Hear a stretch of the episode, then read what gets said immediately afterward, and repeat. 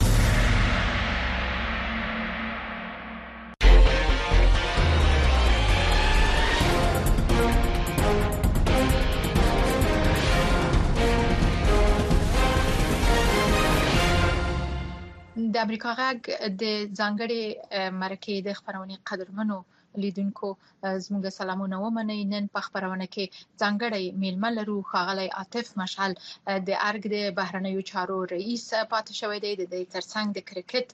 بورډ د مشر په توګه هم دنده تر سره کړې ده او په پاکستان کې د افغانستان په خوانی سفیر هم و چې دوی ته ستړي مشي وایم مشعل صاحب په خیر راغلی ستړي مشي کور ودان خیر اوسې ډیره مننه مشال صاحب غواړو په دې مرکه کې د خپل د اوسنی وضعیت په اړه د طالبانو او د پاکستان ترمنځ د اړیکو په تړاو په دې اړه تاسو نه پوښتنې وکړو سیمه ایز وضعیت وڅېړو او د دې ترڅنګ پر پخوا هم یو څه نظر واچو ځغلند تاسو وخت نه غواړم ډیر ونیسم خو تاسو د مهربانۍ نه مننه کوم اول که د اوسنیو وروستیو خبرونو نه پیل کو پاکستان پر افغان طالبانو تور لګوي چې د ټي ټي پی سره اړیکې لري هلته یې روزي او هلته یې پناه ورکړي د ملاتړ یې کوي او بیا له هغه ځایه پاکستان ته د تروریستان ورزي او هلته دوی بریدونه کوي ستاسو ارزونه په لومړي سر کې په دې اړه څه ده بسم الله الرحمن الرحیم سلام او نیکی هیله تاسو او ټول لیدونکو ته مو زه فکر کوم چې د ټي ټي پی موضوع د پاکستان داخلي موضوع ده ټي ټي پی په پاکستان داخل کې د خپل پیشنهادات او خپل غوښتنې لري او د غوښتنو لپاره په خپل طریقه چې البته زه زه پیغه نظر نه ورکوم په خپل طریقه دی وړاندې زی د دې مشکل حل په افغانستان کې لټول فکر کومه دا اشتباه ده په ټي ټي پی بیرونی کسان نه دي هغه د پاکستان د همدغه جغرافي اوسیدونکو دي او هغه خپل ښکارا خواهشات لري غوښتنې لري هغه څه چې زه شاید یم ټي ټي پی کوم بیرونی ځواک نه ده طالبان دي په مدارسو کې درس ویل دا نو فکر کوم چې د دې مشکل د حل لپاره په افغانستان کې ګرځیدل یا افغانستان نه دا داخله فکر کوم دا نتیجه نه ورکړي خو په دې وروستیو کې د ملګرو ملتونو رپورت خبر شو درې د شم رپورت چې په دې ترڅ کې د تروریستي ډلو پر فعالیتونو یې مهم ټکی څرګند کړ موندنې دا دي چې ټي ټي پی د طالبانو سره اړیکې لري هلته روزل کیږي او د القاعده مشران یې حتی هلته پر روزنه او د ایدئولوژي له اړخه په ملاتړ کې رول لوبوي د ملل متحد د ریپورت په مورید باندې زنه غواړم د قضاوت وکم د عیني توب مهمه ده چې دغه موضوع د تر د جانبه موضوع ده پاکستان کې دای سي د افغان چارواکو سره د خبرو لارې په دې کې څه اسناد وي څه شواهد وي دا د مطرح کی خدا چې د افغانستان له خاورې نه د پاکستان په خلاف څوک استفاده کوي عملیات کوي دا مورد د د د اوسنیو چارواکو لخوا مطلق رد شوی ده او زه فکر کوم چې پاکستان په دې باندې شواهد درلودل ضرور به د افغان طرف سره شریک کړي مشال صاحب په دې راپور کې ویل شوی دی چې حتی تی تی پی ډلې غړو ته دوی د مرستې بستي ورکوي د دې ترڅنګ چې د روزنې په برخه کې ورسره ملاتړ کوي آیا داسې لوی ارګان چې د کوم هیواد پورې هم اړه نه لري په دې شکل ناسم راپور رپورت وړاندې کی تاسو په نظر د ریپورت بعضی برخې ما لیدلې چې متاسفانه په دې قضاوت کوي چې بعضی مسایل ناسم دي او یو وخت داسې راپورونه وو چې کله پاکستان کې ووم هغه د وزیرستان مهاجر چې پاکستان ته راغلی وو هغه هم په مختلفو تورونو په منګه حسابېدل نو که پرون یو یو وزیرستاني کور ته چې هغه په افغانستان ته مهاجر راغلی دا والته د کډوال په صفت ژوند کوي که غ سره کومک سوی او د پی ټی ټی پی په نوم حسابيږي دا بل قضاوت دا فکر کوم چې د ملل متحد کارمندان اکثره د افغانستان له حالاتو نه هغه شې نه دي خبر څنګه چې باید خبر وي خو د ماهله دا ده چې پاکستان د دې موضوع حل په افغانستان کې ونه ګوري ټي ټي پی یو داخلي موضوع ده د پاکستان او د دې دایمي حل په دې ده چې هغه سره خپل نتیجې ته ورسیږي څه فکر کوئ د طالبانو او پاکستان ترمنځ دا اړیکه چې دا کوم ځای ته ورسیږي یعنی عواقب به څه وي هغه شدید څه فکر کوي چې طالبان که دوی لارې ورکړ شي چې یا باید د پاکستان سره تاسو ملګرتوب ته دوام ورکړي او یو یا هم باید د ټي ټي پی سره ملاتړ ومني کوم یو به انتخاب کی زه فکر کوم موضوع تنها د ټي ټي پی نه ده پاکستان د پاکستان د جوړېدو نه راورسته کوم اسټابلیشمنت سره د حاکم ده امنیتي او سیاسي هغه د غرب د پروژو ټیکداري کوي په منطقه کې او دلته د دومره وخت د سړې جګړې په وخت کې ولګې نه ورسته تر ډیره یې د پاکستان ګټې هم په نظر کې نه دي نیولې تر ډیره یې هغه پروژې چې ورته سپارل سوي هغه په نظر کې نیولې وي نو د پاکستان ولس اوس تنها د ټي ټي پی نه نه زوريږي ول پاکستان اقتصادي سقوط سره مخامخ ده پاکستان د بلوچو له مشکل سره مخامخ ده پاکستان د پښتنو د سلامیزو حقوق غوښتلو له ډلې سره مخامخ ده نو مهمه دا ده چې تصویر لوی وکتل سي او پاکستان ولس د منګه ورونه دي منګه په دې جغرافیه کې سره ژوند کوو منګه په هیڅ وجه نه غواړو چې پاکستان ولس سره په تقابل کې واقع شو د پاکستان ولس ته دغه ویختابه په کار ده چې دغه حاکم کوم ګروپ چې دا او او پردي ګټي یا پردي برنامه په دې سیمه په خپل وطن کې عملي کوي د دې د دې لپاره یو چاره وسنجوي کدا سينوي د نوې نړیوال نظم به متاسفانه پاکستان د یوې بلې سړې جګړې دا ولې په پاکستان مرکز وګرځي بله ماشا صاحب څه فکر کوي آیا فکر کوي د دې خاطر چې پاکستان د طالبانو ملاتړ کاوه د شل کال چې جمهوریت یې الته بریدونه بچ کې د طالبانو په هر برخه کې د دوی ملاتړ اوس ترې تم لري چې باید د پاکستان غوښتنې ومني او د هغوی د غوښتنو پر اساس دوی په هغه پل کې دي دا چې دوی څه تمه لري هغه موږ ته د جمهوریت وخت کې معلوم وو وسه معلوم دي د دوی کتمه دا وی چې افغانستان د د دوی د نفوس ساحه اوسي فکر کوم چې ک په هغه وخت کې چې د طالبانو تحریک او یا وس اسلامي امارات ده نو که وي امریکا سره مبارزه کوله جنگ کاوه دومره سختي په ځان منلې د دې لپاره چې په اصطلاح الته د چا نوکری ونه کی نو دا به ډیره بد وي چې د پاکستان نوکری کوي او عملا ثابتېږي ښکاری چې افغانان دا کار نشي کوي تاسو امدا شیبه د کابل نه موږ سره خبرې کوي او د طالبانو چارې هلته لنیګدي چاري زه پویګم یو هر څنګه چې نوي فشار به هم وي خو زه غواړم چې تاسو په صادقانه ډول د هغوی چلند د ولس سره د خلکو سره د پالیسي په برخه کې په خاصه توګه د جنونو د زده کړو مسله او د میرمنو د کار په اړوند دغه مسایل ته چې راځو د دغه ډلې پالیسي په کور د ننه او بهر انتقادونه ور باندې کیږي خو ولې دوی دریځ نه بدلوي تاسو نظر څه دی د تاسو د غوښتنې په اساس به ډیر صادقانه جواب درکم زه چې کله له د کابل له سقوط نه وروسته افغانستان ته راغلم ځنې د کوم کمیسون په بلنه راغلم نه په کوم تضمین راغلم یو افغان په صفت دلته راغلم او هغه روایت چې د دوی په حق له جوړ شوی و چې دوی به انتقام واخلي او هغه بعد ورځ مو چې په میدان هوایی کې ولید د خلکو د تېښتې هغه اشتباه وختله دوی د انتقام طرف ته لاړل نه بل سره د مشکلات بوي خپلمنځي اتحاد وساته مسایل روان دي اوس اوس تاسو مسایل تاسو تاسو موضوع تر اعظم اوس هغه مشکلات چې موجود دي مشکلات موجود دي د خزو حقوق دي د مشارکت موضوع دا ډیر داسې موضوعات دي دما نظر دا ده امارت ته که زه یو پیشنهاد لرم په ډیره زغر ده دا باید وایم چې د یو چتر تعریف په کار ده د یو نظام د نظام افغان افغانستان لپاره د یو نظام تعریف دوی ته پکار ده د اساسي قانون یا ملي وثیقه یا هر نوم څه ورکړي د اسلام په د چا تر لاندې هغه حکم دي خدای وچلېږي په په مکه باندې مګر هم یو تعریف باید موجود وي یو سند موجود وي چې هر افغان په هغه کې خپل وجایب په هغه کې خپل صلاحیتونه په هغه کې خپل حقوق وپیژني په پیل کې مو لکڅه د طالبانو په وړاندې نرمښت وخود مثلا تاسو ول چې اقتصاد تاسو ورستي د ملګرو ملتونو او د بیلابیلو مرستندویو ادارو رپورټونه ګوري چې وای خلک 80% او یا هم 90 سلنه افغانان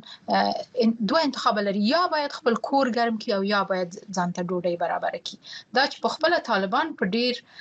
شان او شوکت کې ژوند کوي د غوي د پاره د امریکا او نورو هیوادونو لخوا هم تاسو پوهیږئ چې دوی ته هفته په هفته هم پیسې ورزي خو په هر صورت زه تاسو په موقف باندې پویګم پویګم چې تاسو کوم ځای کې یاست دا هم د درک وړ خبره ده مشال صاحب تازه کابل د سیمایزو استادو د غونډې کوربه وو پښتنه به دا وی چې دوی د دې پر ځای چې د گاوندو ملکونو استاد راولي ول په خپل د افغان ولس استادو سره خبرتنه کینی د سوال تل راتګ د مخ کې لاند څو جملو کې مخکنی تفسیری ته مو اشاره کوم چې د ما تحلیل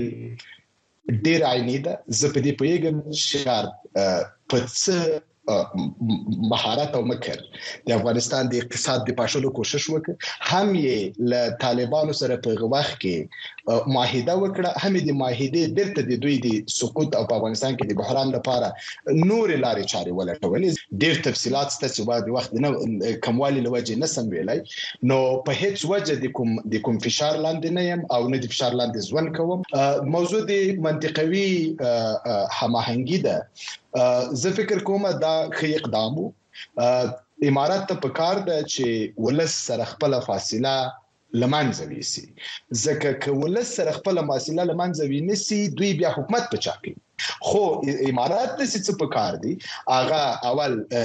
ملي اجماع ده چې ملي اجماع په دې معنی نه ده چې یو سهامي شرکت جوړ شي ملي اجماع په دې معنی ده چې د کلو سپینګری د کلو خلک د ولس خلک راټول شي هغوی نه پښتنه وسی دی هغوی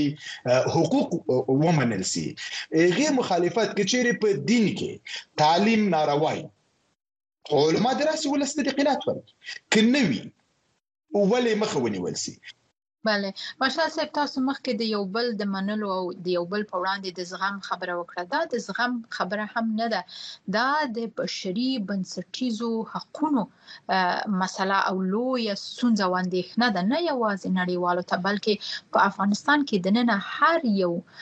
مور او پلار ته دا یو لویه اندېښنه ده د طالبانو د حکومت د رسمیت پیژندنې موضوع هم تر ډیره حده د خزو او نجونو او بشري حقوقو د موضوعاتو سره مشروطه او تړلې پاتې شوې ده آیا دا موضوع دا موضوع زه دا موضوع دا موضوع زه منم چې د افغانانو حقوق دا دا باید د ته د دندسترګو وکتل سي منګه خپل حقوق د خپل عنعناتو د خپل دین په چوکاټ کې غواړو او دا د غرب په خلی نه غواړو د غرب صداقت موږ ته په غزا کې معلوم ده موږ ته په فلسطین کې معلوم ده او غوي د بشر حقوق دی وسیلې په صفت استفاده کوي غربي بشر حقوق تعریف د توجیه د حساب وړ نه ده موږ هم دغه حساسیت ته متوجي شو یو پر پورتونه کې مو هم اوریدلې دي چې د طالبانو اکثرو چارواکو چارواکي بولی دوی وایي چې مونږ د غرب لخوا په هیواد کې د ننه د فرمایش او یا هم اصلاحات نه اورو دا خو د خپل ولس غږ دی درې کاله پوره کیږي دا راتلونکي نسل به خپل هیواد ته خپل راتلونکي ته څو ورکړی شي کدوې هم دغه سي نالوستي پاتې شي کله ما خبرو ته کله ما خبرو ته متوجه شوی ما په ډیر واضح ډول ویلې چې ډیر فرصتونه مو لاس ور کړی دي خو ډیر فرصتونه په لاس کې لرو په اساسي ډول یو تعریف په کار د امارات لپاره هم بل دې خبرې خلاصي چې غربیان دوی ته فرمایشات ورکړي یا شرقیان دوی ته فرمایشات ورکړي دوی د خپل تعریف د نظام راوباسي د ما لور که درس نه وایي او او دا دین نه یې منې کړی دا د ماده حق په خلاندې کېدل دي خپل باید منګه د دې رهبری د ابتکار د عمل په لاس کې واخلو خو د چاتر جوړول پکار دي د حقوق تعریف پکار ده او د حقوق تعمین پکار مارشال صاحب تاسو دا تمه لرئ چې طالبان دا چتر جوړ کړي د منګه تر هیله پورې ده منګه صرف تر مشورې تر هیله ده که جوړ نه کی منګه په جمهوریت کې ډیر اشتباهات وکړل نن یې د ولس له خوانه د ملامتي بار په غاړه د ټولو جمهوریت مسولین هغه اشتباهات چې که تاریخ نه موږ درس وانخلو هغه کړنې چې د جمهوریت کې مسولین وکړي هم تاریخ کې ثبت شي هم د ملت په په ذهنونو زونو کې ځار شوی نو عین یا یعنی یعنی ک جمهوریت خپل امتحان ورکړی امارات اوس د امتحان په پارچه ناست نو زه نن قضاوت نه کوم چې امارات خده که بد ده لا تر اوسه پارچه لاس لاندې ده یعنی لا تر اوسه لګیا د لیکل کوي دا پارچه خو تر اوسه پورې افغان مایندو ته او افغان پلرونو ته تکه سپینه ده مشال صاحب خو یو څه به پخوا جمهوریت دورې ته لاړ شو په دې تازه وروستیو کې حضرت عمر زاخیلوال چې تر تاسو وړاندې په پا پاکستان کې سفیر پاتې شوی دی ویلي چې ولسمشر غنی ته تر سولې خپل ځواک او د دې ځواک غزول مهم وو آیا همداسې و زه نه غواړم د خغل زخیلوال په اړوند تفسیر وکم مګر ضرور وجدان هم د ولس حق ګڼم چې هغه چې ما د ماموریت وخت لیدلې دی هغه وایم زه چې کله سفیر سوم ولسمشر غنی ته په ډیر واضح الفاظ مو ویل چې د سولې په مورد کې د نظر څه دی یعنی زه کوم خط ونیسم په اول ورځ د ما د تاګ اداره ته ویلې چې زه په هر قیمت آماده یم چې یو بایزته سولې ته ورسېږم او مال زما ته وخت را کاته میاستي چې زه په یوه طرح سره راسم اته میاستي ورسته زه بیرته طرح سره راغلم په طرح کې دا و چې هغه وخت د د سولې شورا جوړېده بین افغاني مذاکراتو د سولې شورا د کابل له طرف نه ډیره فرمایشي جوړه سو ډیرو بیرونیو سفارتو په کې مستقیمه مداخله درلودله کله چې هغه مونږ پیدو چې دا شورا دا د ډله د دې جوګانه د چې دوی د سولې خبري وکي دوی د افغانستان نمائندګي وکي د ولس نمائندګي وکي ځکه یو د مختلفو ډلو یو سهامي شرکت غونډي وو ارچا خپل رویباری کوله په د افغانستان د نمائندګي نه وړيره نو موږ د یو مستقل خط د ایجاد کوشش کاوه چې کابل وکوي چې کجری بنبست په دوه کې مسایل رسیدي کابل وکوي چې د دغه وخت د امارات د مسولینو سره مستقیم خبرې وکړي او مسایل ته د حل لار پیدا کړي دا طرح سره زراغلم او دا لیکلي موجود دي دا ارشیف ده رئیس جمهور دا طرحه بدون له دې چې کوم نظر پکې ولري یا اضافه والي کمواله پکې راولي په ډیر خوشحالي تایید کړه او هغه وخت وزارت خارجه ته په کتبي ډول ولیکل چې ما سره همکاري وکړي خو متاسفانه ورسته بیا د بازي کړو له خوا هغه سبوتاژ شو مګر دغه زویلې سم چې سمالي دلی د رئیس جمهور په اړوند اوریدلې مې دي د سره د کار اول لاس تجربه لرم نور نو د زړونو مالک خدای ده خو د ما تجربه دا ده دا چې ځاخلوال صاحب څه وای هغه دغه خپل کار د خو متاسفانه منګه د سولې په خبرو کې ډیر داسې کسان درلودل چې ولس مشرغنی قاصدان ولېګل دوی د خپل ګټو ریباران سول نو ولې دا هڅه بې نتیجې پاتې شو تاسو دا هم ویل چې کړی وي آیا دا کړی مشخصولای شي په هغه مورد چې په دغه طرح مشخص چې ما خبرې وکړې د دې د سبوتاج د وخت د امنیت شورا د سلاکار لخوا سبوتاج شو ډیری داسې چارواکي منګه په نظام کې درلودل چې د خپل شخصي ګټو لپاره ډیر وخت ملي ګټې قرباني کړې سول هم د ډیرو داس چارواکو د شخصي ګټو قرباني سو زه په دې باوري وم چې هغه ټیم چې کوم لیګل سوی وو دوه ته د خبرو لپاره یو ملي اجنډا ځان سره نه درلودله او دا چې سوله سوله ولې ناکام شوه قصور یې اصلا د سولې د ناکامیدو خبر نه و د جمهوریت د ناکامیدو موضوع و منګه د سولې د ناکامیدو نه مخکې د جمهوریت په ناکامیدو بحث کول پکار دي بله نو همدا خبر تر ازو د سولې د بهیر د ناکامۍ د جمهوریت د پرزیدو لوی لاملونه ستاسو په آند څه وو او که د ځان نه یې پیل کړئ ځکه تاسو مخکې ویل چې ټول پکې ملامت دي تاسو خپل ځان څومره ګرام بولئ زه سره لدی چې ورسته دا طرحه سبوتاژ شو ما استعفا کړې او څه چې مې چې په استعفا کې لیکلي او رئیس جمهور سره مې د استعفا مجلس کې بحث کړی رئیس جمهور ژوندای دا هغه د دې شاهد ده چې د ماده ملي ګټو لپاره استعفا وکړه ک شخصي مسایل خو زه بیا هم د دوه ورځې کار معذرت هم لملت نه غواړم زه له امارات یا له کومبل ادرس نه معذرت نه غواړم زه د ملت نه معذرت غواړم او ټول د جمهوریت کارمندان باید د جرأت ولري چې د خپل ناکامي د دې جمعي ناکامي معذرت وغواړي د جمهوریت اساس متاسفانه بن کې غلط کې خودل سو الته ټول ټول راټول نسول هغه چې په قوانینو کې ولیکل سول د کاغذ په مخ هغه عملی نسول هغه ممثلین چې وټاکل سول هغه تمثيل د ټولو لیکلو تعهداتو خلاف او اساسي قانون مو په سلهاوو کار د پخو لاندې ک نور قوانين مو د پخو لاندې کړل ملک التوایفي روانه و د افغانستان ګټه د شخصي ګټو ښکار شوې داسې په زورګونه مثالونه دي چې منګه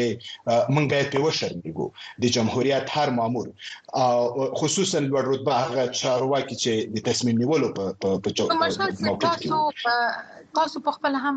ډیره مهمه دنده او مسولیت درلود او دنده مو ډیره مهمه و د پاکستان سفارت داسې یو سفارت و چې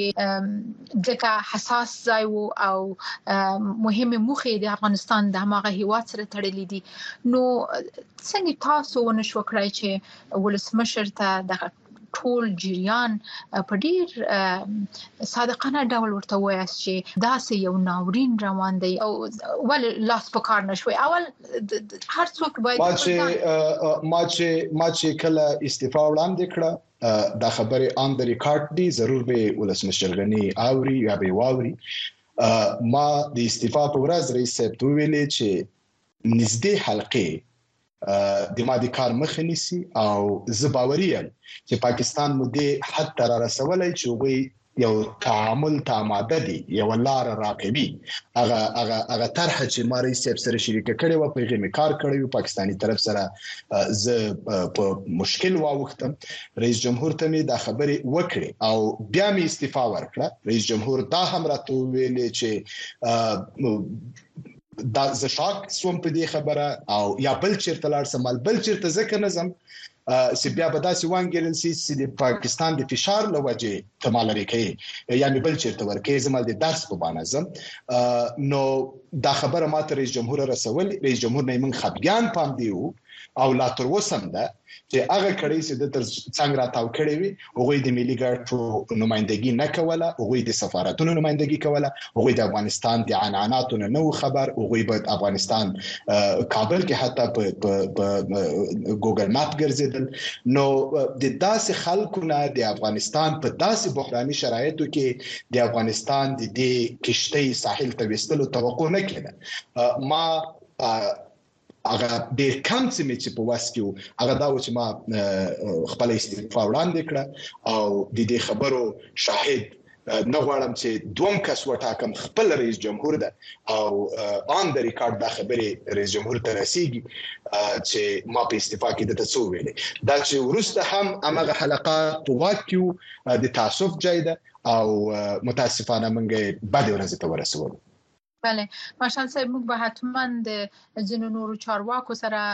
ځکه دوی اوس دلته حضور نه لري دوی سره به هم خبرې کوو او د هغوی نظر به هم راخلو چې ترڅو وکړای شو په ډیره عادلانه توګه خپل رپورت او یا هم مرکه وړاندې کړل شو د پاکستان سره اړیکو ته چرا شو پاکستان په خپل د سولې په بهیر کې څه ډول رول لوباوه تاسو په نظر او آیا هغه پایله چې اوس ویني همدا یې غوښتل ګورې دې منګه ک خپل ملي مسایل مطرح کوو نو د نور ملکونو د رښتینی دوستۍ توقع درلودل ځان غلطول دي پاکستان بخپل ګټې درلودې دا ګټې کې د ملک ګټې وي دا ګټې کې د وی پروژې په اساس پردي ګټې وي او غوي په خپل لار تلل متاسفانه منګه خمو مدیریت نکړای سو پاکستان منګه پاکستان ته ډیر امتیازات ورکړل په مقابل کې مو څه وانه خستل ډیرای ما مخ کې ویلې رئیس جمهور غنی خلک قاصدان وټاکل پیام رسانان وټاکل غیر عباران سول د ملت په په په په په خاورې معاملې وکړه په د ملت په عزت معاملې وکړه او ټول افغانانو تاریخ د دې شاهد ده نو زه نه غواړم چې د پاکستان نه دا توقع ولرم چې هغه موږ ته ثبات راولي یا موږ ته د خیر فکر وکړي په نړیوال کلی کې د اوسېدو کې په دې باور وي فکر کوم موږ په اشتباه کیو خپل موږ څه اشتباهات وکړل یا مو پاکستان خپل څنګه مدیریت نکړی سو دا باید موږ ځان پښتنه وکړو بله نو ستاسو سره د پاکستان اړیکې هم ترنګلې بلل کېدې که څه هم چې سفیر به هغه ټاکل کېدو چې د ماغه هیوا سره نږدې اړیکې ولري دا مسله څنګه ارزوي صاحب او اوس د طالبان سره د پاکستان اړیکې په ظاهره هم ترنګلې ښکاری لاملونه به څه وي نو دا چې اوس د امارات سره د دوی رابطه ترنګلې ښکاری په دې معنی چې کې د افغانستان په ګټو ودرې دي د خلک مخالفت کوي نو کما سره په مخالفت کړی وي ضرور به د افغانستان په ګټو په کوجه کې درېدل يم او زبدي حتی رسیدل يم چې تر اختاره څوک راکی نو اوس لدین وروسته څه باید وشي ستاسو په نظر آیا افغان لوري هغه مسیر تعقیب کړی دی چې مهم ګڼل کیږي زه فکر کوم چې امارات سره یو طلایی فرصت موجود ده دوی ته پکار ده چې د نظام د تعریف لپاره اقدام وکړي د قانون د اساسي قانون یا ملي وثیقې یا هر نوم چې ورکوي د دې جوړېدلو لپاره ملي اجماع راوغواړي ملي اجماع په هیڅ وجه د مشارکت په معنا نه وي د د سفارتو له خلک خوانه د خلک د افرادو فرمایشونه ونه مني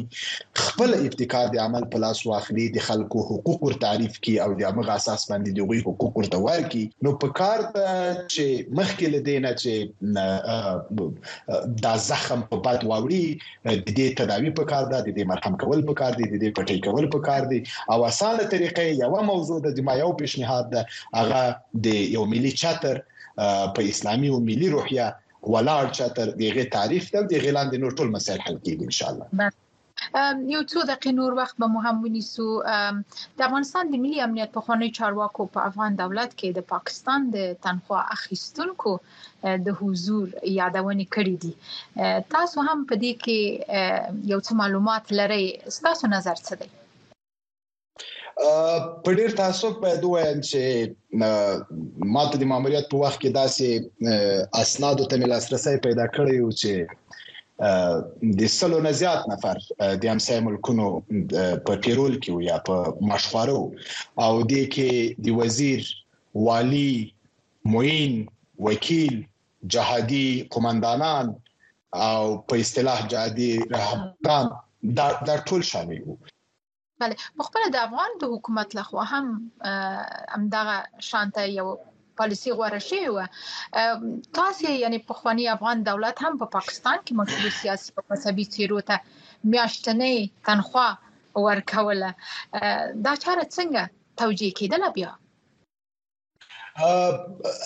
د سیڅ نه و چې میاشتنې تنخوا په نوم چې شو ځکه کله سفارت ته لاړم نو یو څه سیمه رئیس جمهور غنی ته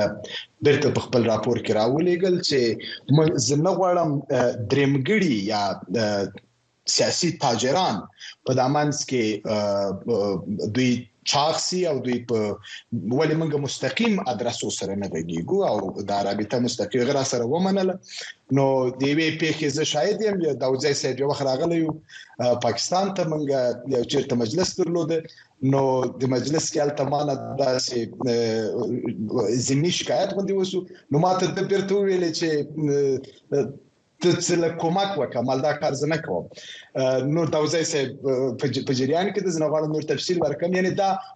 ما حد اقل دا کار درولې دا او دا داسې میکانیزه کار نه وو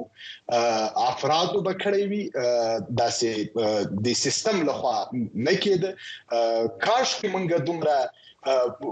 مدیریت خو وای چې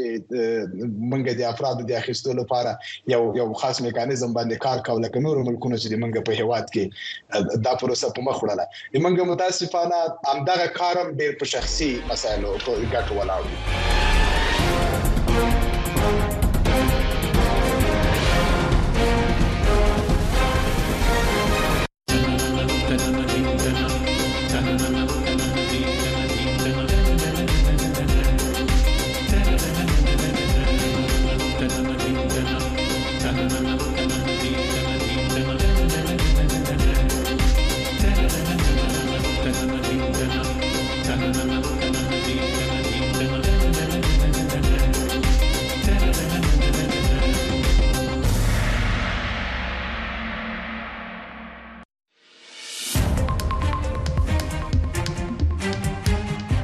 د مهمو خبرونو سرټکی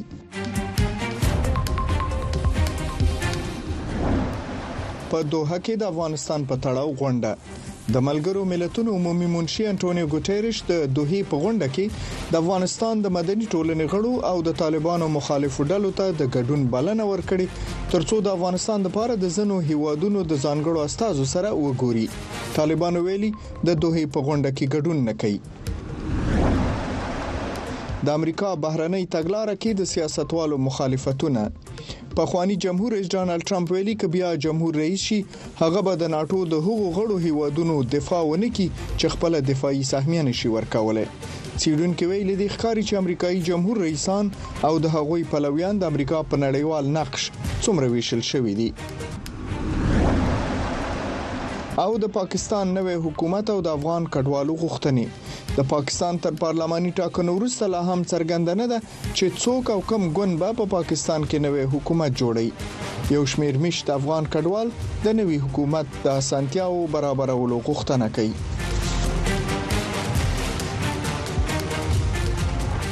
سلامونه او ستړي مشي نن یک شنبه د دلوي 9مه او د فبرवरी د میاشتې 13مه نیټه ده مهم خبرونه د افغانستان پاکستان او منځني ختیځ په اړه لرو هیله ده چې خپرونه درسره وګورئ او واورئ. ترڅنګ یوه یادونه کوم چې موږ د دوحې د غونډې په اړه یوه لنډه ارزونه د افغانستان د یوې پخوانۍ سفیرې شکریه جان بارکزۍ نه اخلو چې موږ سره به په خپرونه کې او ترڅنګ یې د پاکستان د وروستیو تحولاتو په اړه به زموږ همکار خدای نور ناصر د اسلام اباد نه موږ سره معلومات شریک کړي. دواړو ته ستړي مه شوئ موږ سره په پروګرام کې اوسئ. د ملګرو ملتونو د عمومي منشي انټونیو ګوتیرش په مشرۍ د دوحې دوه ورځنۍ غونډه پیل شوې ده. په لومړی ورځ ګډونوالو په خصوصي ډول غونډه کړې ده د دوه دغه غونډې ته طالبان بلل شوی خو د ګډون کولو یې ډډه کړې سیاسي چیرونکو په دې باور دي چې د دوه غونډه د افغانستان د ستونزو د حل لپاره د هلو ځلو د پیل لپاره ښه اقدام دی او باید دا لړۍ دوام وکړي د قطر د بهرنیو چارو وزارت د معلوماتو له مخې د افغانستان په اړه د دوه په غونډه کې د اته ویشت هیوادونو استازي برخه لري. غونډې ته طالبان هم بلل شوي وو، خو دوی د یوې اعلامیې په خپرولو سره خپل حضور غیر ګټور بولي او یادونه کوي چې طالب چارواکو د دې غونډې په اړه د ملګرو ملتونو د استازو سره خپلې غوښتنې مطرح کړې دي. د دوحې د غونډې په اړه د طالبانو د بهرنیو چارو وزارت په اعلامیه کې راغلي، د بهرنیو چارو وزارت ملګرو ملتونو ته واضح کړې چې که اسلامي امارت د یوازیني مسؤل لوري په توګه د افغانستان په ځایتوب ګډون کوي او د دوه ناسته کې د افغان پلاوی او ملګرو ملتونو ترمنځ په لوړه کچه پر ټولو مسایلو د واضح خبرو زمينه برابر شي نو ګډون به ګټور وي خو په دې برخه کې د نه پرمختګ لامل د امارت لخوا بې نتیجې ګډون ګټور ونه بلل شو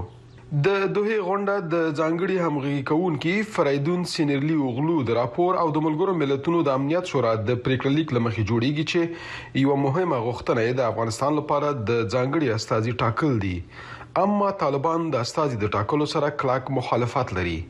د ملګرو ملتونو د سیاسي استاذولۍ یا یوناما یو پخوانی مشر تاداماچی یماماتو د امریکا غږ سره د مرکې په ترڅ کې ویلي چې د ځانګړي استاذي ټاکل مهم دي ځانګړی استازی کولای شي د طالبانو او نړیوالې ټولنې ترمنځ د ارتباط د یو پل په توګه هڅې وکړي، که ځانګړی استازی هڅه وکړي چې د دواړو لورو دریځونه درک کړي او د پخلاینې لپاره هڅه وکړي، وړاندیزونو ته پام وکړي، دواړه نړیواله ټولنه او طالبان کولای شي اختلافات سره هوار کړي، نو کیدای شي طالبان د ځانګړي استازي دنده احساس نکړي د څه لپاره چې ګمارل شوی دی. د ملګرو ملتونو عمومي منشي انتونیو ګوتیرش په دې غونډه کې د افغانستان د مدني ټولنې غړیو او د طالبانو مخالفو ډلو ته د ګډون بلنه ورکړې څو د افغانستان لپاره د ځینو هېوادونو د ځانګړو استازو سره وګوري. په برلین کې د پوهنتون استاد محمد اسحاق اتمر وايي، که ملګري ملتونه خپل ځانګړی استازی وټاکي، نو دغه شخص به اجرایوي واکونه هم ولري. متاسفانه طالبانو په دغه غونډه کې د ګډون نه انصراف کړی او هغوی ځینې شرایط په دغه برخه کې وضع کړي دي چې د طالبانو نه شتون زه فکر کوم دغه یو طلایي فرصت د لاسه ورکول دي. د دوحې د غونډې له پیل کېدو مخکې د چین، پاکستان، روسیې او ایران استازو جلا مجلس کړی دی. د افغانستان لپاره د ایران خاص استازي او سفیر حسن علي قمي د ایکس پر پاڼه لیکلي چې دوی تر غونډې مخکې د افغانستان وضعیت څېړلی دی. قمي زیاته کړې چې د افغانستان او ایران ترمنځ مشترکاتو ته په کتو د افغانستان د ولس څخه ملاتړ د ایران د ډیپلوماسۍ بنسټ جوړوي. د دوحې مجلس کې درې اساسي موضوع بحث کېږي، یو نماینده یې خاص تعینېږي، او بله موضوع دا ده چې په دوحې په نشست کې به تلاش پر دې کېږي چې دنیا نور د طالبانو او د افغانستان په هکله باندې یو واحد نظر باید پیدا کړي درېیمه موضوع دا ده چې ملل متحد غواړي و طالبانو ته دا وسی چې تاسو ټول واقعیت د افغانستان نه یاستئ جز د یو واقعیت د افغانستان یاستئ او باید نور نیروګان او نور کسان هم باید په دې موضوع کې شامل وسی نړیواله ټولنه وايي، که طالبان غواړي چې په رسمیت وپېژندل شي، باید داسې حکومت جوړ کړي چې ټولو ته پکې برخه ورکړل شوې وي او د مېرمنو او نجونو په کار او تعلیم لګول شوي بندیزونه هم باید لرې شي. احمد شکیب، د امریکا غږ، واشنګټن. د دوحې د غونډې په اهمیت، احتمالي نتایجو او پر افغانستان یې اغېزو په ناروې کې د افغانستان پخوانۍ سفیرې شکریه بارکزۍ نظر اخلم چې په سکایپ زموږ بلنه منلې ده. اغلې بارکزۍ ستړي مشي پروګرام ته اجازه راکړئ اوله پوښتنه مې دا کوله چې د افغانستان په تړاو خو ډېری نړیوالې غونډې کیږي دا د دوه د نن غونډې اهمیت یا ځانګړتیا په څه کې د تاسو په نظر سلامونه تاسو او قدرمن لیدونکو کتونکو ته البته هر غونډه چې تر نن پورې د افغانستان پاک لبند شوې ده د هغه وخت نه چې طالبان واکمن شوي دي په افغانستان کې تر اوسنۍ دوحې غونډه هیڅ مهمه غونډه بله نه ده شوې، ځکه چې دا په خپل نفس کې او په خپل ذات کې درې مشخصات لري، اول دا دی چې ټول هغه ځانګړي استازي افغانستان لپاره دوی غواړي یو بل ځانګړی استازی په عمومي ډول باندې افغانستان لپاره وټاکي چې د یو پروسې په تړاو په افغانستان کې امن راشي دویم اول ځل لپاره دی چې د طالبانو او غیر طالبانو ته یعنی نور افغاني چارواکو ته هم بلنه ورکړل شوې ده او دریم دا غونډه د یو بل نوې پروسې پیل په شانته لمانځل کیږي یعنی دا غونډه اولنۍ او اخرنۍ غونډه د افغانستان په حق لباندې نوي دا د هغې پروسې لپاره پیلېږي کوم چې څو موده وړاندې اسیر فریدون سنر اوغلو هغه خپل ریپورت خبره ک چې دغه پر بنسټ باندې باید یو سیاسي او ملي ډایالوګ لپاره زمينه برابره کړي نو نو فکر کوي چې د طالبانو د استادو پرته د دوه غونډه د پام وړ کومه نتیجه به ولري زه فکر کوم په دې غونډه کې ک طالبان ګډون کول او کنه کول په دواړه حالاتو کې همدغه خې چې طالبان نور په یوازې ډول باندې نشي کولای چې په افغانستان کې ځان ځاني وکړي که چیرته هغوی ګډون کوله دا به خو وای خو چې اوس لپاره ګډون نه دی کړی او خپل د چا خبره غوښتنې وړاندې کړې دي سازمان ملل ته دا هم دا خي چې یعنی دوی یو سیاسي تاکتیک نه کار اخیسته دی ځکه چې په هر حالت باندې طالبان زه فکر کوم په اوسنیو شرایطو کې دې ته حاضر او آماده نه دي چې د غیر طالبان ګروپونو سره د یوې میز تر شا کیني یو او دویم دوی فکر کوي چې یو یوناما خو هسې هم د طالبانو تر سیوري لاندې په افغانستان کې کار کوي بل ځانګړي استازي چې هغه به د سیمې هیوادونو سره وغږیږي هغه به د نور افغانانو سره د خزو سره بوغږیږي نو طالبان بیا د فکر کوي چې خپل د طالبانو نفوذ هغه به یو مستقل دفتر یو مستقل اداره به طالبانو تر سیوري لاندې بني نو دا به خامخا طالبانو ته یو ګواخ بلل کیږي ځکه طالبان تر ټولو بل هرخه سیاسي ډلې د ځانګړي استاذي په اهمیت مسؤلیت او قدرت باندې کوي ظاهرا خو د سخکاری چې نړیواله ټولنه غواړي چې د طالبانو په وړاندې یو متحد دریز ونیسي کوم چې تاسو هم تقریبا پام دې نظر استي دا د وروستیو انتقادونو او شکایتونو ته په کتو البته فکر کوئ چې نړیوال دسې یو قاطع تصمیم دا ځل ونیسي چې د طالبانو لپاره به ښه عواقب ونه لري؟ زه فکر کوم چې طالبانو لپاره هر تصمیم چې د باندې نه او یا هم دننه په افغانستان کې ونیول شي ځکه چې طالبان د خپل کړنو په ترڅ کې او د خپل اعمالو او مخصوصا د هغه تبعیضي چلند په پا پایله کې او د هغه اوسنی فساد په ترڅ کې او د کوم بې برنامه ګۍ په ترڅ کې او د دروغو په ویلو خپل سیاسي حامیون له لاسه ورکړل نو دا به خامخا طالبانو لپاره که چیرته دې غونډه کې یا نور امثال د دې غونډو ته ګډون وکړي او ونه کړي ښې پایلې نه لري دا وغواړو موږ ونه غواړو طالبان انزوا ته کشل شوی. هغه هیوادونه چې نن سبا طالبانو سره په تعامل کې دی، سربیره پر دې چې د خپل ملکونو د امنیت نه ویره لري، د افغانستان د معادنو او په افغانستان کې د شته نظامي کوم څه چې شتمنۍ پاتې وه د هغې اغما لپاره راغلي او غواړي چې طالبان سره تعامل وکړي. بله اغلې بارکزۍ اجازه راکړئ یو بیخي خصوصي پوښتنه وکړم، که تاسو د دوحې په غونډه کې همدا نن وای، د افغانستان د دې معضلې د حل لپاره تاسو څه وړاندیزونه لرل؟ په غیر شکه افغانستان لپاره سیاسي او ملي ډایالوګ حتمي خبره ده مګر اجازه راکړئ چې په زغرد ووایم هیڅ کله زه په هغه غونډه کې ګډون ونه کړم چې حد اقل مقابل لوري مشروعیت زما په اندازه باندې ولري ما د خپل کابل جان نه دوه ځلې رایه اخیستې ده چې حد اقل 1.5 میلیونه خلک په هغه کې ژوند کوي او هیرم نشي چې په افغانستان کې د افغان میرمنو غږ کچیرته زه اوسم او نه اوسم نور خزي هم شته چې په دوه کې هغه چت کی ځکه هغه برحق راځوړ دی. مننه آغلې شکریا بارکزۍ کورم ودان چې حضورم پیدا کو او زمونږ سره هم خپل نظریات شریک کړل ډیره مننه تاسو نه. په دوحه کې د ملګرو ملتونو د دویمې مشورتي غونډې په څنډه کې د شنبې پر ورځ یعنې پرون د کاناډا په ټورنټو ښار کې یو شمېر افغانانو احتجاجي غونډه کړې وه او د ملګرو ملتونو او د نړۍ د ډېرو هېوادونو نه یې وغوښتل چې د طالبانو سره دې د خبرو کولو ډډه وکړي. دوی دام وایي چې د طالبانو سره د اړیکو لرل د بشري حقونو او د ښځو د ازادۍ او د افغانستان د خلکو د ارزښتونو د پامه غورځول دي. دلته د تورنتو په ښار کې د ژمي په سړه هوا کې په دغه ځای کې مېشتو یو شمېر افغانانو په یوه غونډه کې د خپل هېواد له اوسني وضعیت څخه د بې تفاوته نه پاتې کېدلو په خاطر لاریون وکړ او ویې ویل چې د خپلمنځي تعامل په اړه اندېښمن دي.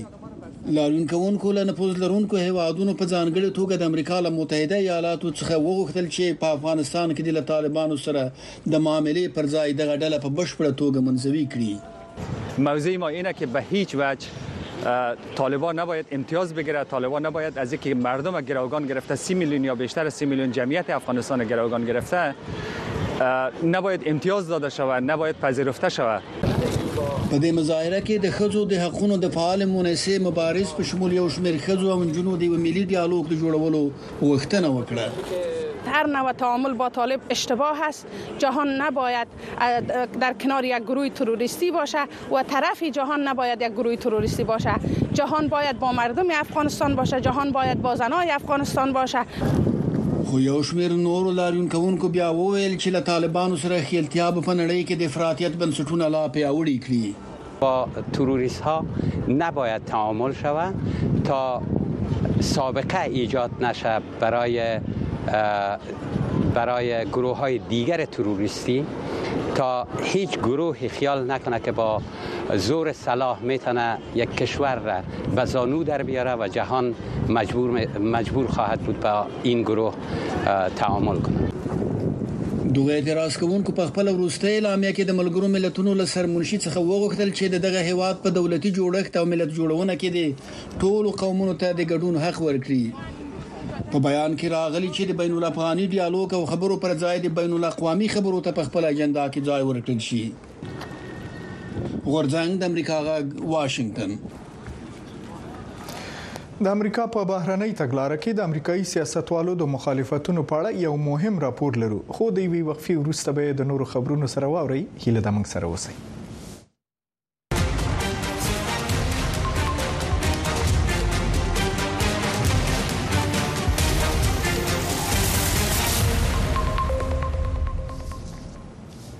په پاکستان کې د پارلماني ټاکنو وروسته د نوي حکومت د جوړېدلو لپاره سیاسي هلې ځلې روانې دي د پاکستان د سیاسي او امنیتي وضعیت نور حال په اسلام آباد کې د خپل همکار خدای نور ناصر ناخلم چې په سکایپ را سره مل دی ناصر صاحب ستړي مشي د سویل شي چې کم ګوندونه د نوي حکومت په جوړېدلو کې مخ کې دي او څه ویل کیږي چې کله به اعلان شي ډیره مننه آشنا صاحب تر اوسه هڅه هر ګوند بیل بیل پیل کړی دی بلکې دوه مهمو ګوندونو چې یو د مخکني لومړي وزیر عمران خان ګوند دی چې خپل دی په زندان کې دی خو دوی د عمر ایوب خان په نامه باندې یو کس یو سیاستوال د پاکستان د لومړي وزیر لپاره کاندید کړی دی او بل د پخوانی لومړي وزیر نواز شریف ګوند دی چې هغه هم هڅه کوي چې دغه حکومت جوړ کړي تر اوسه پورې ډیر لوی پرمختګ نه دی سوی او لا هم ځینې د سیاستوال وایي چې کله چې دا به هم په دې باندې ورځ ولکېږي په لومړیو کې داسې ویل کېده چې مخکینی لومړي وزیر نواز شریف او د لاغه سره به د پیپلز ګوند یا د بلاول بوټو زرداری ګوند په ګډه باندې یو ائتلاف یا حکومت جوړ کړي چې ځینې نور سیاسي ګوندونه به هم ورګټ کړي خو په لومړیو کې بلاول بوټو زرداری دا سی ویل چې دوی وحید سی وزارتونه دا شې نه اخلي د حکومت څخه خو یوازې ملاتړ به کوي پرون په سند کې د سند په ټټې سیمه کې یو ولسی غونډې ته شاغلي زرداری ویل دي چې دوی ته داسې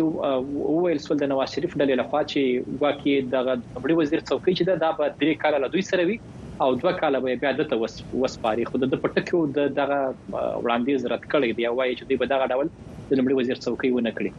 نو کوي وخت د مخکینی لومړي وزیر نواز شریف او د عمران خان ګوند هڅه کوي چې خپل لومړی وزیر وټاکي خپل حکومت جوړ کړي نو په ورته وخت کې بیا د پیپلز ګوند په ملاتړ باندې نو د نواز شریف ګوند هم هڅه کوي چې د خپل ورور شهباز شریف د لمړي وزیر لپاره کاندید کړی دی چې هغه د راتلونکو لمړي وزیر سي ناصر صاحب منګه ګورو چې د پاکستان په دې انتخاباتو کې د درغلیو په تور د تحریک انصاف چې تاسو دا ګوند ذکر کوو او اکثره ملتپالو ګوندونو د احتجاجونو لړۍ لا هم دوام لري سرپرست حکومت دغه پرلت کوونکو او اعتراض کوونکو ته څه ځواب لري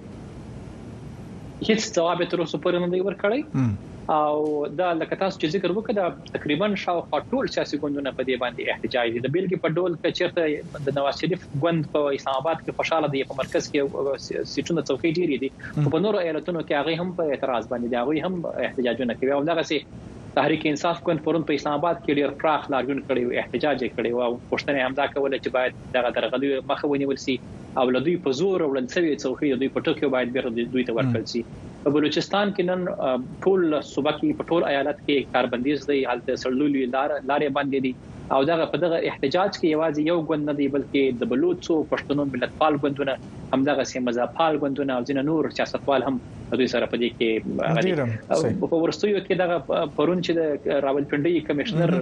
کومې خبرې کړې دي هغه ورپوړي چارواکي دي او هغه دا ادعا وکړه چې ګواکې په دې کې په د باندې فشار وو چې دای درغلي وکړي نو هغه هم زنداني شوی دی اوس نیول شوی دی پولیسو نو دغه د راولپنډي کمشنر هغه چې مخکې دغه ستورونه ور په درغلیو پورې کېدل اوس په هغه باندې لا نور دغه بحثونه زیات شي مننه خدای نور ناصر صاحب کور ودان پویګم تفصیل به پکې ډیری ځکه چې نتایج لا نه دي معلوم اما د معلوماتو نه ډیره مننه درنو لیدونکو د پاکستان تر دې پارلماني ټاکنو وروسته لا هم څرګند نه ده چې څوک او کم ګوند به د دې هیواد مشري کوي لکه هم چې واوریدل خو هلته میشت یو شمیر افغان کډوال د پاکستان د نوي حکومت نه د اسانتیاو برابرولو غوښتنه لري زمونږ همکار مسکا ساپي یې راپور لري د خیبر پختونخوا په سرخار پیښور کې زرګونه افغان کډوال ژوند کوي خو د 2023م د نومبر راهیسې ګڼ شمیر افغانان د غیر قانوني کډوالۍ په پلمه په جبري توګه افغانستان ته ولېږل شول. رفیع الله یو له هغو کډوالو څخه دی چې د ژوند درې څلوېښت کاله یې د پېښور په افغان کالونۍ سیمه کې تیر کړي او دا مهال منتو پلوري هغه د پاکستان پر نوي حکومت غږ کوي چې د کډوالو لپاره د سم قانون جوړ کړي کوم دوه زره او دوه ویشتم نه چې کوم حالات په افغانانو شروع شو بده ورځ شروع شوه باد او باران کې داسې افغانان لاړل چې دلته پټۍ کې خښتې اچولې حتی دا چې پټۍ والا ده دوه لکه درې لکه قرضدار و هغه د پټۍ والا وبخښلې خو بیا ورسره د لارې کرایه نه وه دا یو مشکل دی د افغانانو لپاره موږ د دې حکومت دغه تقاضا ده چې موږ افغانانو سره یو ښه دریځ راوړو چې موږ ودل د دې چې افغانان شته زما د درسل ختم کال روان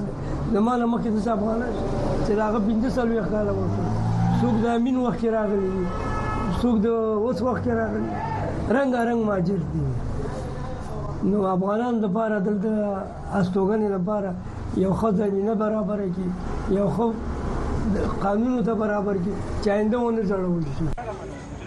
ځینې کډوال د ویزو په برخه کې د اسانتیاو برابرولو تمه لري او ځینې کډوال بیا له نوي حکومت څخه د اوسیدو د کارتونو د مودې زیاتولو غوښتنه کوي.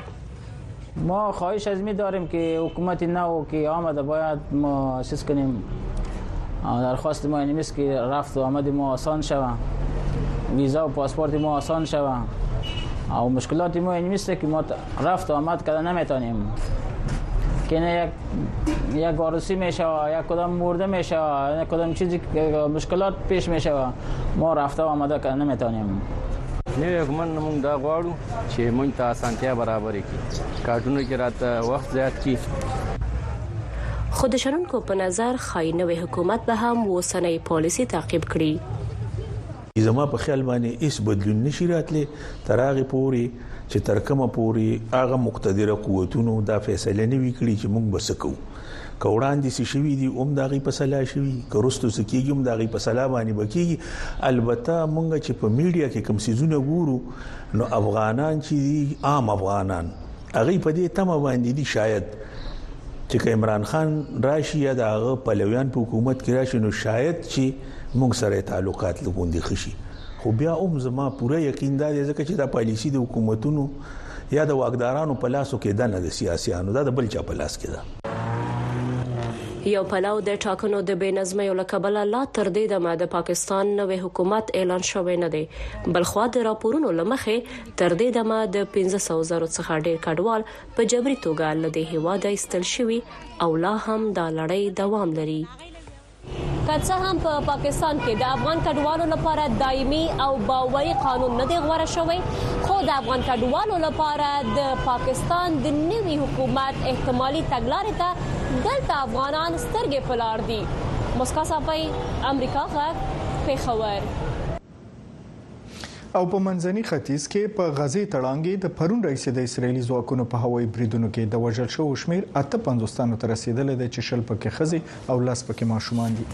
دغه معلوماتو د مخې نه چې صحي چارواکو د اسوسییټډ پریس خبري اژانس خبريالانو ته ورکړي دي اکثریت مړي او ټپيان د غزې په مرکزی ساحه کې د الاقصا او نصیرت ناحیه کې د علاوده روغتونونو ته وړل شوې دي د تېر کال اکټوبر اوومې وروسته چې حماس په اسراییلیانو حمله وکړه او یو زر دوه سوه کسان یې په اسراییل کې ووژل او دوه سوه او پنځوس یې برمته یوړل، په غزې کې د روغتیا وزارت د چارواکو په وینا په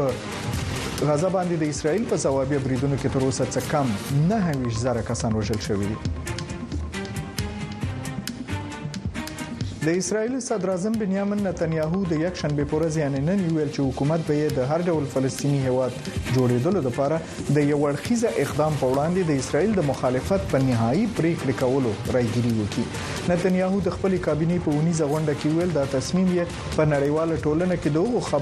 خبرو وروسته نیولی چې غواړي په یو اړخیزه توګه په اسرائیل یو فلسطینی هیواد تحمیل کړي. د هغه په وینا، رسمي اعلامیه کې به اسرائیل د نړیوالو دیکتاتورانو هغه مطلق تصمیم نیول رد کړي چې د فلسطینیانو سره یې د دایمي جوړجاړي په نوم کوي د نتنیاهو په وینا دا ډول جوړجاړی یوازې د دواړو غاړو ترمنځ بې له هر ډول شرط یې خودلو په مخامخ مذاکراتو کې ممکن دی او د تبت بشري حقوقو یو سازمان د یک شنبه په ورځ د هند په شمالي ښار در مشاله کې یو تازه راپور خپور کړی دی چین یې په دې تورن کړی دی چې په تبعید کې د تبت خلک تعقیبوي او څاري دا راپور چې په 2024 کې د تبت کډوالو یا ډایس پر خلکو باندې د چین انتقالي ظلم سرلیک ورکړل شوی په کې د تبت او بشري حقوقو او دیموکراسي مرکز د سي شواهد راټول کړي چې په بهر میشتو تبتیانو باندې د چین د څار ډیریدلو او تعقیب لومړي لاس شواهد مستند شوی چین په 1950 میلادي کال کې د تبت غرنۍ غرنۍ لري پرتی سیمه ته پوز پوځونه ولېګل او هغه وخت دا د یو امن بلتون په نوم باندې رسمي اقدام بلل شوی خو دا مغه وخت رئیس په دې سیمه په زور حاکمیت چلی په تبعید کې د تبت حکومت د 1915 کال رئیس په هند کې فعال دی او د 1950 کال رئیس د چین د اشغال وروسته اوسنۍ روحاني مشر دلای لامه او نور خلک د تبت نه وتلي دي د امریکا پخواني جمهور رئیس ډونالد ټرمپ د پنځشنبې په ورځ یو ځل بیا خپل پخوانی دریځ تکرار کړ او ویل یې که بیا جمهور رئیس شي د ناټو د هغو غړو دفاع به ونه کړي چې د ناټو د دفاعي مصارفو هدف نه پوره کوي څیړونکي وایي له دې دریځه ښکاري چې د امریکا دوه جمهور رئیسان او د هغوی ملاتړي څنګه په نړۍ کې د امریکا د رول په اړه مختلف دریځونه لري پر اوکراین د روسیې له یرغل دوه کاله وروسته د پخواني ولسمشر او د جمهوري غوښتونکو د احتمالي کاندید ډونالد ټرمپ یوې وینا د ناټو متحدینو ته ټکان ورکړ. د یوه لوی هیواد یو ولسمشر راته ودرید او ویې ویل، ښاغلیه، که موږ پیسې ورنکړو او روسیه پر موږ برید وکړي، ایا زموږ حفاظت کوئ؟ ما ویل، تاسې پیسې نه دي ورکړي؟ تاسو متخلف یاست هغه ویل که داسې وشول ما ویل نه زه به تاسو ونه ساتم زه به هغه وهڅوم هر کار چې کوي ودی کړی تصور کولای شئ چې د متحده ایالاتو یو پخوانی ولسمشر داسې وایي ولسمشر بایډن چې د دښمنانو پر ضد د ائتلافونو پیاوړي کول یې د بهرنۍ پالیسۍ په زړه کې ځای لري، د ټرمپ پر هغه برخورد چې محاسبه پکې ده انتقاد کړی دی. زموږ په تاریخ کې بل هیڅ ولسمشر یوه روسي دیکتاتور ته د تعظیم سر نه دی ښکته کړی. اجازه راکړئ تاسې ته دا په ښکاره ووایم، زه به هیڅ وخت دا کار ونه کړم. د خدای په خاطر، دا د شرم وړ ده. دا خطرناک ده. دا د امریکا د اصولو خلاف کار دی. بایډن وايي، دی د ناټو د پنځمې مادې ملاتړ کوي چې د بهرني برید پر مهال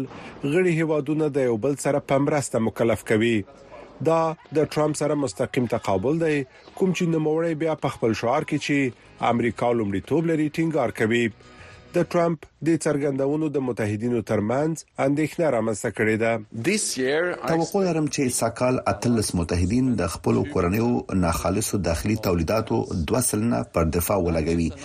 دا یو بل ریکارډ رقم دی چې د دوه زره او څوارلس کال راهیسې شپږ ګامه لوړوالی ښيي، کوم چې هغه وخت یوازې دریو متحدینو هدف پوره کاوه. د ټرمپ د کمپاین یوه جګپوړي سلاکار جیسن میلر امریکا غږ ته په یوه بیان کې ویلي چې ټرمپ وکولای شول پر متحدینو د ناټو مصارف لوړ کړي. بهرنی سیاست په دودیز ډول د امریکا په ټاکنو کې کلیدي موضوع نه ده، خو په داسې حال کې چې ټرمپ پر ناټو فشار اچوي، په نړۍ کې به د امریکا رول د رای ورکوونکو ترمنځ یوه بله ستره اختلافي موضوع وي. دا ډېره سیاسي شوې ده، دا د ټرمپ له خوا کارول کېږي څو خپل ملاتړ ډېر کړي، خو د امریکایانو ترمنځ اساسي درک شته چې اتحاد خپله مهم دی. په نړیوالو چارو کې د شیکاګو شورا د اکتوبر میاشتې د یوې نظرپوښتنې له مخې د اتیا سلنه دیموکراتانو او درې شپېته سلنه خپلواکو رای ورکوونکو په نسبت یوازې پنځوس سلنه جمهوري غوښتونکي باور لري چې امریکا د اتلانتیک د دواړو غاړو له تړونونو ګټه پورته کوي سمیع الله جلالزی د امریکا غږ دلته د واشنگټن ډي سي ملي میوزیم د ماشومانو د ادبیاتو په یو حیرانونکي ځای بدل شوی دی په دې ځای کې ماشومان کولای شي چې بیلابیل کتابونه مطالعه کړي پام وکړئ تفصیل ته په دې ځای کې د 28 هیوادونو او 15 وچو څخه د 150 څخه ډیر د ماشومانو کتابونه نندرې ته وړاندې شول چې په تیرو دوه سو کلونو کې لیکل شوی دی د واشنګټن ډي سي په ملي موزیم کې دا نندارتون د بنسټیزو کیسو په نامه هم یادېږي په دې موزیم کې دا نندارې یو له خورا ارزښتناک پروګرامونو څخه شمیرل کیږي او د یوې لسیزې لپاره به د خلکو پر مخ خلاص وي ایولین فوچس د واشنګټن ډي سي د ملي موزیم اجرایي رئیس ده زمونږ د ماموریت اصلي هدف دا دی چې د هغه نړۍ په حق له احساس به را ژوندې کو چې موږ غواړو ودانې کو زه بله حیرانونکې لار نه وینم مګر همدغه د ماشومانو د کتابونو طریقه ده. کلاسیک کتابونه لکه ویني د پوه او الیس د وینډرلند د معاصرو کتابونو سره یو ځای په تریدي بڼه نندارې ته ایښودل شوي دي. د دغو اثارو غږیز او ویدیویي بڼه هم جوړه شوې ده. دا نندارتون ښایي چې څنګه کتابونه ټولنیز روایتونه بدلولی شي. سویډنۍ پاپي لانګسټاکینګ چې په نولس سوه څلوېښتمو کلونو کې ژوند کاوه، د اوسنیو ماشومانو د ژوند سره یې ژوند په ټکر کې دی، دا ځکه چې هغه په خپل وخت کې خودکفا و، چې اوس داسې نه ده. لیناردو د کارکوس د ماشومانو د ادبیاتو ماهر او د نندارتون جوړونکی دی، هغه د دې نندارتون هر کتاب په خپله انتخاب کړی دی. ځینې کتابونه د کور په هکله دي، بیا ځینې نور یې د کور د پرېښودلو په اړه، ځینې یې د کور د نشتوالي او په بد حالت کې ژوند کول دي، بیا ځینې نور یې د کډوالو د ژوند کیسې بیانوي چې څنګه یې خپلو کورونو پرېښودلو ته اړ ایستل شوي دي.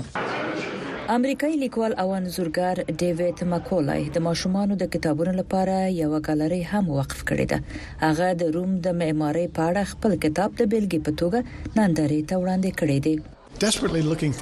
ما په بې صبرانه ډول فکر کاوه چې د روم ښار په څه ډول ترسیم کړم. ښار مې په رنګه توګه جوړ کړ، خو بیا وروسته مې له ځانه سره وویل چې دا به په تور او سپین ډول رسم کړم، ترڅو د ښار معماري او اصلي بڼه په واضح ډول ښکاره شي. په دې نندارتون کې د مطالعې خونه هم شته چې له 200 نه ډیر کتابونه پکې موجود دي او ځوان نندارچیان کولای شي چې خپل کیسې په دې ځای کې هم درج کړي رڼا دوراني غورزنګ د امریکا غږ واشنگټن